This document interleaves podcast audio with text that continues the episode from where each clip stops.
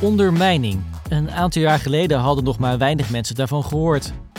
Maar tegenwoordig is die term niet meer weg te denken als het gaat over hoe criminaliteit steeds verder onze leefwereld binnendringt. Mijn naam is Quinty Wierenga en in deze aflevering van Meer dan een huis, een podcastserie van de hebben we het over wat ondermijning is en welke rol corporaties hebben bij het aanpakken daarvan. Daar spreek ik over met Jolanda de Zwart. Zij is wijkconsulent bij CT Woondiensten, een corporatie in Doetinchem en omgeving met ongeveer 8000 huurwoningen. En met Hans Moors. Hij is partner bij onderzoeks- en adviesbureau Emma, dat zich richt op onderzoek en communicatieadvies rondom grote maatschappelijke thema's. En een van die grote thema's is dus ondermijning. Laten we eerst even van hem horen wat het dan precies is. Er zijn veel definities van ondermijning. Hè. Wetenschappers die, uh, hebben daar al, al, boeken over volgeschreven. Ik hou het heel graag simpel. Uh, ondermijnende criminaliteit is uh, criminaliteit die sterk georganiseerd is, gericht is op het maken van winst en die ondermijnend wordt op het moment dat de onderwereld zich gaat vervlechten met de bovenwereld. Om een voorbeeld te geven, ondermijnende criminaliteit is bijvoorbeeld uh, uh, als je zwart geld probeert wit te wassen door woningen te kopen of te beleggen in vastgoed. En dat je uh, mensen gaat inschakelen zoals notarissen, zoals makelaars, die voor jou vastgoed gaan kopen met geld dat je illegaal of zelfs crimineel hebt verkregen. Dan ben je bezig met ondermijnend zijn voor de, voor, de, voor de samenleving, voor de bovenwereld. Ja, en dat is gelijk ook het lastige van ondermijning, want dit is nog maar één voorbeeld. Maar Hans kan eindeloos veel voorbeelden geven. Denk aan die telefoonwinkel om de hoek waar je nooit een klant ziet, maar die toch op de een of andere manier een topomzet weet te draaien. Eigenlijk kan iedereen te maken krijgen met ondermijning, dus ook corporaties, waarschuwt Hans. Het kan voor hen zelfs een groot probleem zijn omdat corporaties, zoals ik aankijk tegen, tegen, tegen ondermijning en tegen het werk van corporaties, zowel aan de voorkant als aan de achterkant met ondermijning te maken kunnen hebben. Uh, aan de voorkant dan bedoel ik hè, dat corporaties eigenlijk partij zijn in uh, bijvoorbeeld uh, het feit dat sommige buurten of wijken met veel achterstallig onderhoud in het woningbezit zitten. Uh, dat heeft vaak allerlei oorzaken, maar je ziet dat slechte woningen, slechte wijken vaak ook mensen trekken die daar uh, uh, kwetsbaar zijn voor criminaliteit. Dus niet de grote criminelen zelf, maar wel mensen die kwetsbaar zijn, omdat ze geronseld kunnen worden voor allerlei hand- en spandiensten. Dus corporaties zijn betrokken eigenlijk bij die voorkant. Ze, ze, ze, ze zien wat er in hun wijken gebeurt waar woningbezit zit dat kwetsbaar is voor criminele inmenging. En ook aan de achterkant uh, denk ik dat corporaties een belangrijke partij zijn als het gaat over uh, het signaleren van, uh, van ondermijning. Omdat corporaties ook partij zouden kunnen zijn in het vaststellen welke mensen op welke manier bezig zijn met, zal ik maar zeggen, het, het criminaal, crimineel benutten van het woningbezit van een corporatie. Ook hier heb je weer veel verschillende vormen waarop er ondermijning kan plaatsvinden. En aan sommige zou je niet zo snel denken, zoals bijvoorbeeld de verkoop van corporatiewoningen. Dat gebeurt doorgaans buitengewoon netjes uh, vanuit de corporatie, maar er wordt niet altijd gecontroleerd of er niet een katvanger van een criminele organisatie aan de andere kant uh, de opkoper is. Hè. Dat, er zijn voorbeelden waarin dat toch uiteindelijk misgaat. Uh, maar het kan ook zo zijn dat, dat mensen bijvoorbeeld uh, uh, hun woning beschikbaar stellen voor criminele activiteiten aan een netwerk. Hè. Denk aan de roemruchte wietzolders of aan het gebruiken van een woning voor thuisprostitutie. Ondermijning kan behoorlijk grote gevolgen hebben. Dat ziet ook CT Woondiensten uit Doetinchem. Wietkwekerijen in woningen bijvoorbeeld, daarvan hadden ze er al 11 of 12 de afgelopen anderhalf jaar. Een legaal gehuurde woning wordt dan compleet omgebouwd tot een illegale plantage. En je weet dan niet wat je ziet, zegt wij consulent Jolanda de Zwart. Nou, meestal is het zo dat wij de melding van de politie krijgen. Dus de politie uh, uh, doet dan de ontdekking, meldt dat aan ons. Uh, soms mogen wij daarna ook in de woning kijken. En wat je ziet is dat een woning vaak nou, compleet vernield is. je treft allerlei installaties aan. Er zitten uh, er zit foliepapier rondom, zeg maar. De hele woning is van binnen helemaal ingepakt. Uh, er staan bakken, er is een complete beregeningsinstallatie aangelegd. Uh, nou, dat levert allerlei gevaren natuurlijk op. vaak heeft een hennepkwekerij heel veel licht nodig. Dus er wordt vaak ook elektra, met de elektra geknoeid. Nou ja, wat je dan ziet is dat de meterkast is helemaal gesloopt en aangepast, zou ik maar zeggen. Hè, omdat de stroom wordt, wordt gestolen. Um, de beregeningsinstallatie kan voor lekkages zorgen. Zorgt ook vaak voor lekkages. lekkages. Dat zijn allemaal problemen waar je dan tegenaan loopt. Dus die woning herken je niet meer terug. Een compleet gesloopte woning dus. En de gevolgen voor de huurder, die zijn dan groot. Wij kennen een zogenaamd zero tolerance beleid. Dat betekent dat er, uh, we accepteren geen hennep. Helemaal niet. Uh, daar informeren we mensen uiteraard natuurlijk van tevoren ook over. Uh, ja, ehm, uh, als er hennep wordt aangetroffen, dan nodigen we ze uit hier op kantoor. En dan krijgen ze eigenlijk ook de vraag voorgelegd van... nou ja, uh, wil je zelf de huur opzeggen of er komt een juridische procedure? Dus die keus wordt ook aan hun uh, voorgelegd. In de meeste gevallen kiezen mensen er dan zelf voor om de huur op te zeggen... om een juridische procedure ook te voorkomen daarmee. En extra kosten natuurlijk. Uh, dus ja, dat, uh, dan volgt er inderdaad een gesprek bij ons op kantoor. Dat zijn ernstige gesprekken, moet ik zeggen. Ja, want kan je daarover vertellen? Je, je ziet dan die ja. mensen tegenover je. Wat voor ja. mensen zijn dat? Ja, heel wisselend. Uh, het is natuurlijk zo dat wij. Uh, er zijn mensen die soms ook bewust het risico hebben genomen. En denken: ach, zo'n vaart loopt het niet. Maar dan loopt het helaas wel zo'n vaart. Hè? En dan heeft dat natuurlijk allerlei consequenties. Maar het gaat vaak ook wel om kwetsbare mensen. We hebben bijvoorbeeld een statushouder gehad. Uh, ja, die man die wist niet precies wat wel en niet kon en, en mocht in Nederland. En uh, ja, die is er, om zo te zeggen, ook ingeluisterd. Van nou, zo'n vaart loopt het niet en het komt wel goed. En als de woningbouw of als de politie erachter komt, dan, uh, nou, dat valt wel mee. Nou, het viel dus niet mee, want die man moest dus ook zijn woning uit. Uh, en dat is wat je vaak ziet. Het zijn vaak kwetsbare mensen die zich laten verleiden door het grote geld.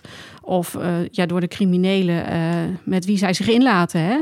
Ehm, en eh, dat is wel heel verleidelijk dan toch voor bepaalde mensen. Het is een standpunt dat de meeste woningcorporaties hanteren. Heb je wietplanten in je woning, dan moet je eruit. Dat betekent vervolgens bij CITE ook dat je twee jaar lang in de regio niet meer voor een woning in aanmerking komt. Bij sommige andere corporaties is die grens zelfs 10 jaar. En wil je ergens anders buiten je regio gaan huren, dan krijg je natuurlijk geen positieve huurdersverklaring mee. Hans Moors kan het strenge standpunt van de woningcorporaties goed begrijpen, zegt hij. Maar hij wil ook een kanttekening plaatsen. Ik denk dat het ook uh, heel erg goed is om, uh, om een streep te trekken. En te zeggen van tot hier en niet verder. Hè. Dat, dat, dat, dat heeft toch, denk ik, een afschrikkende werking. Juist omdat wonen belangrijk is voor mensen. Uh, en dus ook voor mensen die een beetje kwaad in de zin hebben. Die hebben toch nog steeds een dak boven hun hoofd nodig. Het afpakken van een woning is toch wel een van de, blijkt ook uit onderzoek, een van de ergste dingen die je mensen kunt aandoen. Ook boeven. Uh, het afpakken van kinderen en het afpakken van woningen. Dat zijn twee heftige uh, interventies waar je goed over moet nadenken als corporatie ook, uh, denk ik, in zo'n netwerk van, van partijen die bezig zijn met het, uh, het opsporen en, en tegengaan van criminaliteit in wijken. Um, je moet goed nadenken over wat je teweeg brengt uh, als je iemand zijn woning afpakt. Want uiteindelijk zal er toch weer een oplossing moeten worden gezocht voor die persoon. Uh, hij zal ergens moeten gaan wonen. Dus je creëert ook zelf, of je werkt mee aan het creëren van een, een, het befaamde waterbed. Hè? Dus iemand die wordt uit zijn huis gezet. Maar hij klopt bij de gemeente aan en zal ergens ook wel weer moeten gaan wonen. Uh, dan kun je denken, daar ben ik er mooi vanaf als corporatie. Maar misschien ook wel niet. Hè? Komt hij via, via de band weer terug.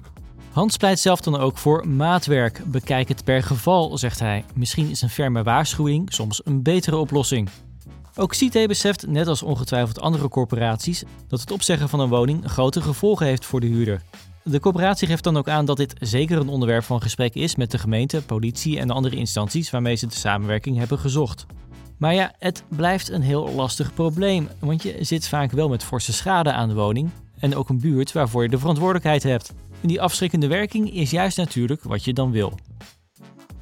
Bij CITE zagen ze het aantal wietkwekerijen toenemen de afgelopen jaren. En dan zou je kunnen zeggen dat is een taak voor politie en gemeente om dat in te dammen. Maar zo ziet Jolanda dat niet. Nou ja, het is ook een taak van politie en gemeente natuurlijk, maar wij werken heel nauw samen met politie en gemeente en andere uh, instanties ook. Uh, dus het, is, je, het gaat eigenlijk over een brede aanpak en het speelt zich vaak af in onze huurwoningen. Hè? Dus daarom vinden wij ook uh, dat we daar zeker een rol in hebben. Ja. En om de trend van wietkwekerijen in woningen om te buigen, zijn ze een campagne gestart. Zo hebben ze onder meer een container ingericht als wietkwekerij, waar ze dan de wijken mee intrekken. Eh, en het doel daarvan is, uh, nou ja, hoe herken je een hennepkwekerij? Hè? Dus ook voor buurtbewoners uh, erg interessant om te zien van, nou, waar merk je dat aan? Welke signalen zie je? Maar ook, het is ook een stukje voorlichting, ook weer voor mensen die misschien denken van, goh, misschien is het een goed idee, of mensen in financiële nood, zou ik maar zeggen. begin er niet aan, want zie, we lichten natuurlijk ook voor over de consequenties die het met zich meebrengt. Dus ehm, ja, in, in die zin moet je dat ook zien. Het is echt voorlichting. Ook deelt de corporatie folders uit om te wijzen op de gevaren van hennepteelt en hoe je een woning waar wiet wordt gekweekt herkent. En al die informatie blijkt voor sommige mensen een eye-opener. Nou, uh, we krijgen vooral reacties over dat het erg interessant is om te zien. Want de meeste mensen zien zo'n kwekerij natuurlijk niet van binnen. Uh, maar veel uh, consequenties zijn ook niet bekend bij het grote publiek. Hè? als je denkt aan nou ja, een gevangenisstraf of, of fraude plegen en dat je daarvoor een boete moet betalen, bijvoorbeeld, dat begrijpen mensen, de meeste mensen nog wel. Maar dat je bijvoorbeeld niet aan een woning komt, dat is bij heel veel mensen niet bekend. Dus in die zin is het, krijgen we reacties terug dat het erg interessant is. Ja. Bij de campagne en bij de aanpak van de ondermijning werkt CITE, zoals Jolanda dus al zei, nauw samen met de politie en de gemeente. En het aangaan van die samenwerking zou zelfs haar belangrijkste tip zijn, zegt zij. Nou, ik denk dat heel belangrijk is uh, dat je een goede samenwerking hebt met de andere partijen. Met name de gemeente en de politie. Dat zijn toch wel in, voor dit onderdeel onze belangrijkste partners in de wijk. Uh, dus dat is wel echt een tip. Dus zou ik wel willen meegeven. Dat is erg belangrijk dat je dat ook zelf uh, um, op touw zet. Want je kunt daar zelf ook als corporatie het initiatief voor nemen. Samen zie je de problemen in een wijk eerder en kan je ze ook integraal proberen op te lossen, want iedereen heeft natuurlijk zijn eigen rol bij het aanpakken van ondermijning. Het is iets dat Hans Moors tot zijn eigen genoegen ziet. Meer corporaties zoeken nu ook zelf die samenwerking. Ik merk dat veel corporaties daar de afgelopen twee jaar uh, een stuk actiever in zijn geworden dan ze voorheen waren. Dat is ook een hele goede ontwikkeling. Uh, het fijnste aan de liefde is als het van twee kanten komt. Hè. Dus uh, ik snap ook wel dat soms corporaties denken van... hé, hey, maar zijn wij nou degene die aan de bel moeten trekken als we willen gaan samenwerken? Dat is eigenlijk ook een beetje, beetje gek. Uh, het is vaak zo, als de corporatie dan een stap zet... dat ze ook wel met open armen worden ontvangen. Ik merk zelf wel bij, bij, bij de politie dat er veel belangstelling is om samen te werken met corporaties. Dat zie ik ietsje minder bij, uh, bij sociaal domein en zorg. Maar ook daar zijn hele goede, goede banden te leggen. En vaak zijn gemeenten ook heel erg willing om, uh, om te faciliteren en te zorgen dat die, dat, dat netwerk uh, binnen de gemeente op een goede manier acteert. En kijk ook met wie je dan kunt samenwerken, zegt hij. Want één belangrijke partij wordt vaak over het hoofd gezien. Het Regionale Informatie- en Expertisecentrum, oftewel het RIEK. Daarvan hebben we er tien in Nederland en ze vallen onder het Openbaar Ministerie en de Nationale Politie. Ze hebben als kerntaak om zich te richten op ondermijnende criminaliteit en weten dus precies wat er in een regio speelt. Ja, en dat wist ik zelf ook nog niet en ik ben niet de enige die dat zegt, zegt Hans. Corporaties en de RIEKs weten elkaar tot nu toe nauwelijks te vinden. En dat vindt hij apart. Dan is het best wel bijzonder als, bestuurders van grote corporaties uh, door het RIEK nooit zijn benaderd, maar ook helemaal niet weten dat er zoiets als een Riek bestaat. Dus hè, ik ga hier niet zitten vingerwijzen, uh, uh, maar de liefde moet van twee kanten komen. Ik zou zeggen, het, het is misschien een tip voor Edes. Uh, zoek eens contact met de landelijke vertegenwoordiging van de RIEKS, de LIEKS. Hè, er is een LIEK, een Landelijk Informatie- en Expertisecentrum. Dat stuurt de RIEKS aan. Ik denk dat het best wel een goede zaak zou zijn om eens met elkaar aan tafel te gaan van goh, hoe kunnen nou corporaties bijdragen aan het informatieniveau wat er door de andere partijen ook al bij elkaar is gebracht. Hans Moors vindt overigens wel dat voor een goede samenwerking tussen alle instanties er nu nog wel wat hobbels zijn.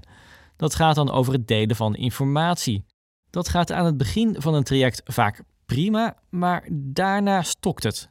Dus als het uh, uh, gewoon als het ware gaat over, nou, we hebben het idee dat er iets niet pluis is aan de Takkemastraat. Uh, en daar heb je het over met de wijkagent. Dat, dat, dat, dat werkt in de meeste gemeenten en tussen corporaties en politie prima. Als er een strafrechtelijk onderzoek start, dan kan er niet zomaar meer informatie gedeeld worden. Dus corporaties hebben vaak het gevoel dat ze iets vertellen, maar dat ze uiteindelijk geen terugkoppeling meer krijgen vanuit de politie. Uh, en dat is wettelijk ook zo geregeld, want ook criminelen hebben recht op privacy. Dus in zo'n strafrechtelijk traject wordt dat allemaal keurig afge, afgezegeld. Recht op privacy, dat is allemaal begrijpelijk. Maar als je als corporatie informatie deelt over dus bijvoorbeeld een wietkwekerij of andere ondermijning, dan wil je ook weten hoe het verder gaat. Bijvoorbeeld zodat je weet hoe je de buurt moet informeren. Maar dat is dus nog niet zo goed geregeld nu, zegt Hans. Dus je zou je kunnen voorstellen dat er toch een soort van tussenvorm wordt bedacht waarin de, uh, de wet op de politiegegevens intact blijft. Hè? Dus dat die gegevens die voor een strafrechtelijk onderzoek uh, verzameld worden, dat dat blijft worden afgeschermd, maar dat er toch iets van terugkoppeling plaatsvindt. Zonder het noemen van namen rugnummers, want dat is meestal het heikele punt, hè? de privacy. Uh, maar dat een corporatie door de politie wel gefaciliteerd wordt om uh, het werk te doen wat zij moeten doen in de buurt. Om ervoor te zorgen dat mensen uh, zich niet onveilig gaan voelen. Naast samenwerken met instanties is het ook belangrijk om samen te werken met de buurt. Zorg dat voor hen de drempel laag is om die overlast te melden. Daar is de campagne van CITE dan ook deels op gericht, zegt Jolanda de Zwart. Wij vinden het belangrijk dat mensen dat melden. Uh, dat zeggen we ook altijd. Uh, als je dat spannend vindt om dat zo te doen, om zo de politie te bellen, kun je ook altijd contact opnemen met Meld Misdaad Anoniem. Uh, 0800 7000 hè, is het telefoonnummer. Daar kun je anonieme melding doen als je vermoedens hebt. En onze oproep is ook eigenlijk: doe dat, meld dat. Want uh, nou ja, beter twee keer gemeld dan, uh, dan een keer misschien gedacht van: nou, er is niks aan de hand. En er is er later wel wat aan de hand. Want het levert, zoals gezegd, heel veel gevaar op. Ook brandgevaar, lekkagegevaar. Waar andere mensen ook uh, last van kunnen hebben. buiten het feit dat het natuurlijk ook criminele activiteiten aantrekt. Maar toch even advocaat van de duivel spelend. Die huurders die de fout ingaan, huren dus wel via CT. Had CT dat met een strengere selectie niet kunnen voorkomen, zodat er überhaupt geen problemen zouden zijn? Nou ja, eh, wat wij doen is dat we sowieso natuurlijk, uh, we hebben een, soort van screening hè, van tevoren natuurlijk. Uh, maar dan nog weet je natuurlijk niet in welke positie mensen verkeren of in welke positie mensen ooit terecht kunnen komen. Dus die mogelijkheden zijn er, zijn er minder, omdat je, we volgen natuurlijk niet de levens van mensen compleet. Dus veel dingen kunnen we ook gewoon simpelweg niet voorkomen. Dus ik denk dat onze kracht van deze campagne ook is uh, om te laten zien. Uh, van goh, ook als buren, als, als mensen eromheen, heb je een taak en een functie en een rol daarin. Dus je kunt heel goed, uh, als je vermoedens hebt, het melden. Want wij zien natuurlijk ook niet alles en wij weten ook niet alles van tevoren. Nee, dat is vaak wel een probleem. Zo zie je als verhuurder bijvoorbeeld niet of je potentiële huurder een strafblad heeft. Ook hier ziet Hans Moors ruimte voor verbetering. Want sommige huurders met een bepaald verleden in een bepaalde wijk, dat is simpelweg geen goed recept. Ook op dat stuk zou je inderdaad nog eens kunnen, kunnen, kunnen nagaan met elkaar van zou het nou niet verstandiger zijn om in een, bijvoorbeeld in een aantal risicogebieden of in wijken waarvan bekend is dat, dat, dat daar al veel criminele activiteit heeft plaatsgevonden, hè, die ondermijnend werkt dat, nou ja, dat je daar nog eens extra goed naar kijkt. Of dat je uh, een applicatie voor een woning voorlegt aan, uh, aan de dienst of aan de politie. van goh, check eens even. En ik hoef niet te weten wat en hoe, maar geef gewoon maar ja of nee op antecedenten terug. Dan weten we als corporatie voldoende. Dus ik vind dat je privacy moet blijven. Dat, dat, is toch wel een groot goed. we willen geen politiestaat worden. Dus je moet niet van iedereen de hele doopzeel kunnen inzien als, als verhuurder van een woning. Maar ja, je mag wel gefaciliteerd worden, vind ik, in in, in de vragen die je hebt over een persoon, als er een vorm van verdenking zou bestaan. Die mogelijkheden zijn er alleen nu nog niet. Dus voorlopig zijn de adviezen: zoek die samenwerking zelf op met in ieder geval de gemeente en de politie. En druk ook de buurt op het hart dat zij een belangrijke rol hebben in het vergroten van de leefbaarheid in een wijk, zegt Jolanda de Zwart. Want een wietkwekerij, die valt wel op. Hou je ogen en oren open, zeggen wij altijd. Dat doen wij ook. En als we met mensen spreken, dan zeggen we ook altijd: let goed op wat er in je buurt gebeurt. Zie je bijvoorbeeld uh, witte busjes voor de deur op de meest rare tijden zonder stickers erop? Of uh, heb je het idee dat er rode vaten in de achtertuin staan? Of uh, zie je vocht op de ramen? meld het dan alsjeblieft. En dat is ook wat wij doen. Hè? Dus als wij signalen hebben, geven wij dat ook door op, ja, bij de politie. Dit was het voor deze aflevering van Meer dan een huis, een podcastserie van Edes. Mijn naam is Quintin Wierenga.